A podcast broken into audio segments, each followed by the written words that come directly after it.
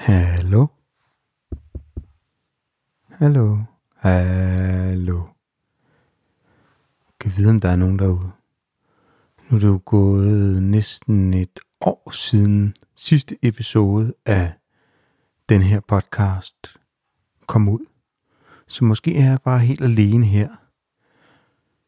Måske er jeg ikke. Måske sidder du derude og lytter til den her podcast, der hedder Dyrk og Spis. Måske ved du det, måske ved du ikke. Mit navn er Anders Guldberg, og jeg har bloggen af samme navn. Og fordi det er et lille stykke tid siden, tænkte jeg, at jeg lige vil lave sådan en... Øh, her, nu skal du høre, hvad der er sket siden sidst. Og øh, derfor vil jeg gerne lige læse et kapitel af en bog,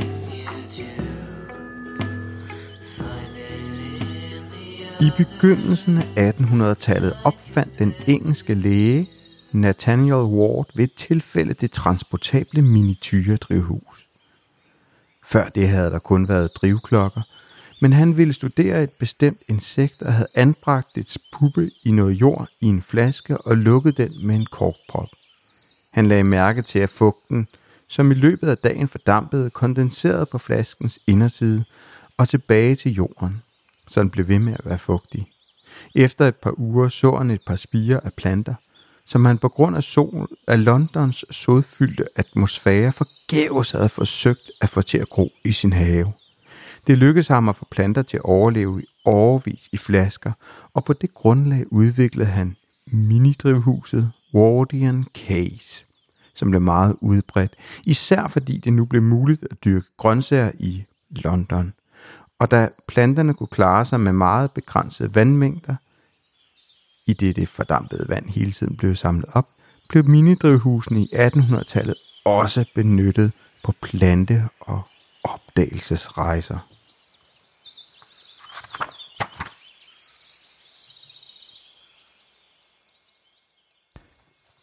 Drivhuse. En gengivelse af et drivhus fra 1791 er, selvom det fremgår af beskrivelsen, at bagsiden er af murværk, sandsynligvis den første tegning af et drivhus, som ligner dem, vi kender i dag. En anden forgænger fremgår af et korsdæk fra 1696. Her afbildes en drivbænk, der kan opvarmes, og den er lavet tømmer på samme måde, som man bygger et hus. To endnu eksisterende drivhuse ved Bernstorff Slot i Gentofte er bygget i 1800-tallet og de fine eksempler på de tidligste drivhuse i Danmark. I begyndelsen af 1900-tallet var Danmark berømt for et blomstrende glashusbyggeri, og det er ikke umuligt, at Danmark før eller samtidig med Holland har været med til at opfinde drivhuset.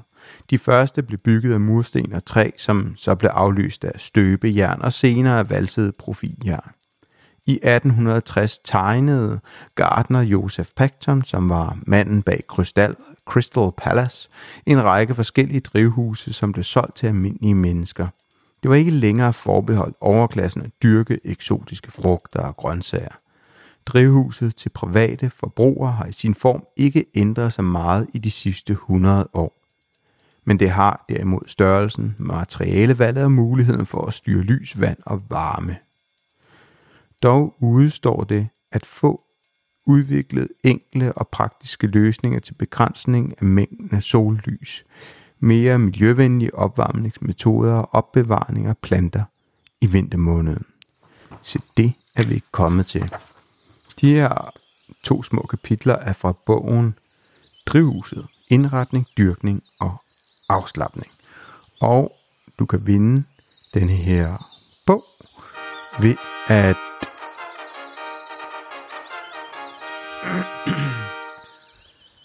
og du kan finde den her bog, Drivhuset, ved at gå over på facebook.dk-dyrk og spis, hvor jeg udlader den til en heldig starut, der har lyst til at vinde den. Og hvis man ikke har lyst til at vinde den, så kan man jo stadigvæk deltage, og så kan man give den til en eller anden, hvis man nu bruger en lejlighed eller noget. Nå, ja, yeah. Det var lidt historielæsning for i dag, og det er jo faktisk det, der er sket siden øh, jeg udsendte den sidste podcast episode, det er, at jeg har fået et orangeri. Og det har lidt været en drøm i 2, 3, 4, 5 år, og jeg har gået og spurgt, fordi sådan et koster mange penge. Min tese er lidt, at jeg har et lille drivhus, øh, sådan noget, de der 5 kvadratmeter, og det er ligesom måske dem, jeg har ikke selv tatoveringer, men dem, der får tatovering, de får en tatovering, så de vil gerne have større og større. Og nu har jeg så fået et drivhus, og jeg har, øh, jeg kalder det et orangeri.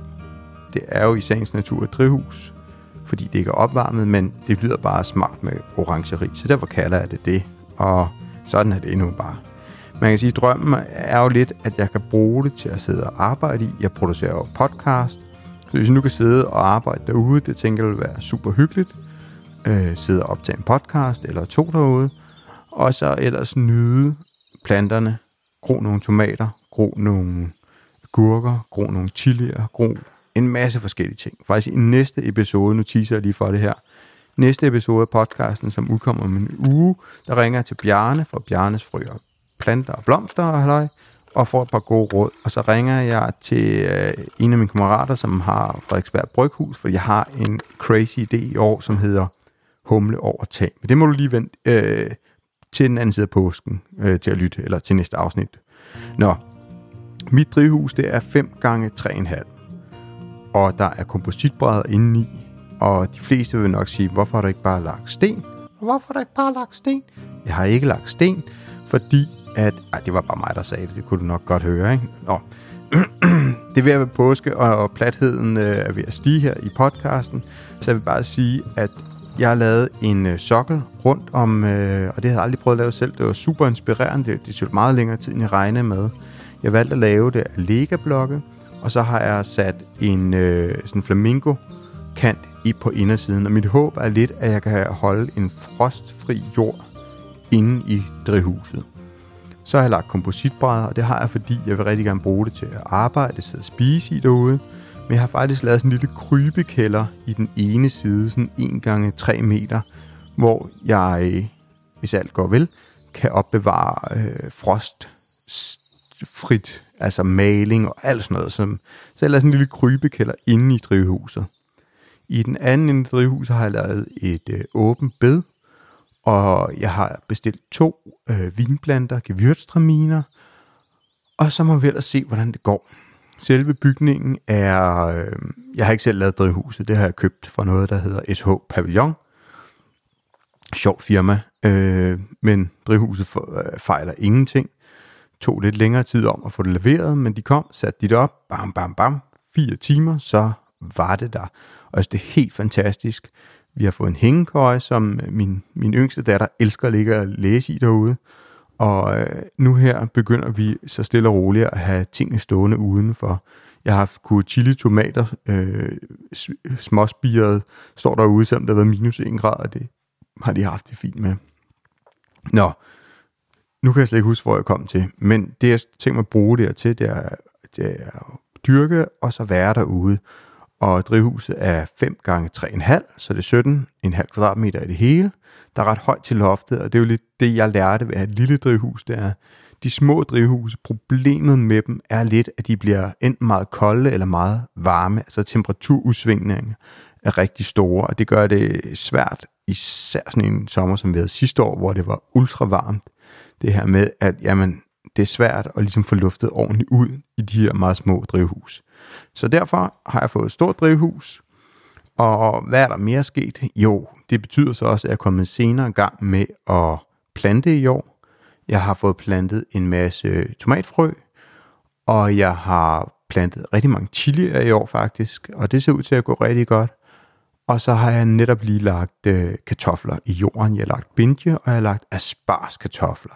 De havde ikke forspiret så meget, så jeg tror ikke, de når at komme op, øh, før ligesom frosten er væk. Eller risikoen for frost er væk. Derudover, jamen, øh, så har jeg jo været super lang tid om at få den her podcast ud. Jeg havde jo faktisk håbet at kunne udsende en øh, podcast episode i marts, men jeg er jo selvstændig og lever af at lave podcast for virksomheder. Øhm, og lad dig lige gå et skud ud her, hvis du sidder i en eller anden kommunikationsafdeling og tænker, at vi gerne vil lave podcast, så er det sådan noget, jeg gør med mit lille bitte team. Men det betyder, at der har været rigtig travlt. Øhm, jeg laver podcast, og en af de podcasts, jeg har lavet, det er en podcast fra Ghana. Sidste november var jeg tre uger i Ghana for at optage en podcast, og den er ude nu, og jeg er utrolig stolt af resultatet. Og jeg synes, det var meget sjovt. Jeg optog en lille sekvens, som ikke er brugt i den podcast, der hedder Afrikas Millennials. Øh, og jeg tænkte lige, det er jo siden sidst, så derfor vil jeg lige spille den her øh, denne korte sekvens, hvor Karoline og jeg, det var også to, der var nede og optage de her podcast-episoder, jamen vi øh, havde hørt meget om den her lokale ret, der hed Fufu. Og øh, ja, hvor der, jeg tror, jeg spiller båndet her, og så kan du høre lidt om, øh, hvordan vores oplevelse var med at gå ind og prøve at øh, prøve den her lokale ret fufu. Her kommer en øh, lille bid fra da jeg var i Ghana. Og øh, ja, skal vi ikke bare sige, at det her, det var for mig. Jeg kører konkurrencen over på Facebook, Dyrk og Spis. Og så må du have en rigtig god påske, en rigtig god weekend, en rigtig god dag. Her kommer en kort bid fra øh, min tur i Ghana, og er du interesseret, og det håber jeg virkelig, du er, så lyt lige til den podcast, der hedder øh, Afrikas Millennials. Øh, den, den afsnit, jeg har lavet, hedder Radio, øh, og episode 2. Nå, nok for mig. Lad os øh, køre båndet her, øh, og så må du have en rigtig god dag ude i din køkkenhave. Øh, vi har lige bestilt en ret, der hedder Fufu, som øh, vi har hørt ret meget om hele turen indtil nu, som sådan advanced, øh, hvad hedder det, ghanesisk mad. Ja. Jeg er stadig lidt i tvivl om, man er lavet af, men øh, det må vi lige finde ud af. Jeg vil i hvert fald sige, at vi er spændt på det her. Øh, og vi befinder os lige i Tamale, og det er næsten 40 grader. Og vi har nede for at optage en anden podcast. Og nu har jeg lige overtalt dig til at være med her. Og eller, det er måske dig, der overtalte mig til at spise det her. Ikke? Men, men det er meget sjovt. Vi skulle lige prøve noget nyt her, synes vi. Hvad synes du om maden hernede egentlig? Jeg synes faktisk, at jeg er meget positivt overrasket. Jeg synes ikke, jeg har hørt sådan vanvittige ting om, om mad fra mange afrikanske lande. Men jeg synes faktisk, vi har fundet nogle ting, der virkelig var lækre. Ja. Altså gode sådan, sovse til ris og sådan noget. Det synes jeg. Jeg vil sige, det vi fik givet, det var, det var sindssygt godt. Altså streetkøkken, de eneste to hvide, der overhovedet var i 500 meters øh, omkreds, det var også. Ja. Men det var... Ja, ja, og vi spørger bare, hvad er, Nå, hvad er det der for noget kød? Meat, får vi bare ved. Der er ligesom ikke noget, øh, der er ikke nogen god forklaring der. Så fandt vi ligesom senere ud af, at det nok havde været givet. Ja. Men det smagte fandme godt. Det er faktisk, vores mad kommer nu. Nu har vi fået vores fufu. Og hvad, hvad ligner det? Jamen først og fremmest ligner det en suppe med et stort stykke kylling i. Og så en klump af noget, som jeg har meget svært ved at sige, hvad er. Okay. Mm. Og vi er ret sikre på, at man skal spise med hænderne, ikke? Åh oh, jo, det er sikkert. Nu tager jeg lidt af den her klump. Hvordan dufter det? Det dufter også meget specielt. Ja. Det er meget svært ved at sige, hvad det er. Men det dufter egentlig meget godt. Ja. Nu sidder Karoline med nallerne nede i uh, sin fufu her.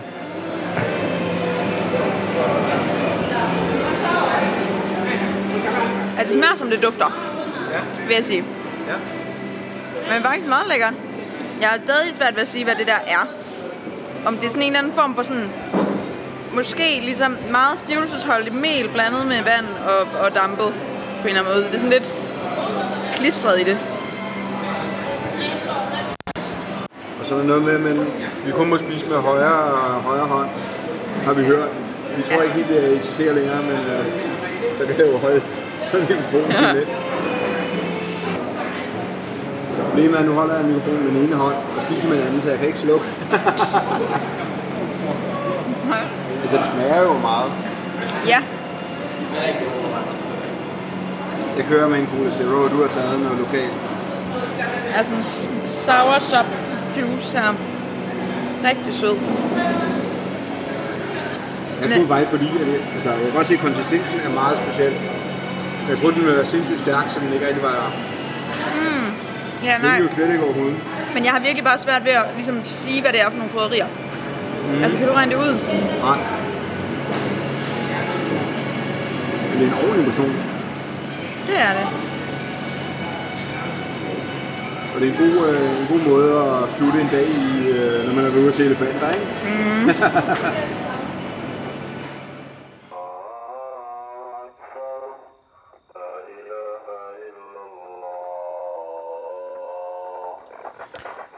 Tak fordi du lyttede til Dyrk og Spis, så fik du også lige den højtaler, der vækkede os hver eneste morgen i Ghana.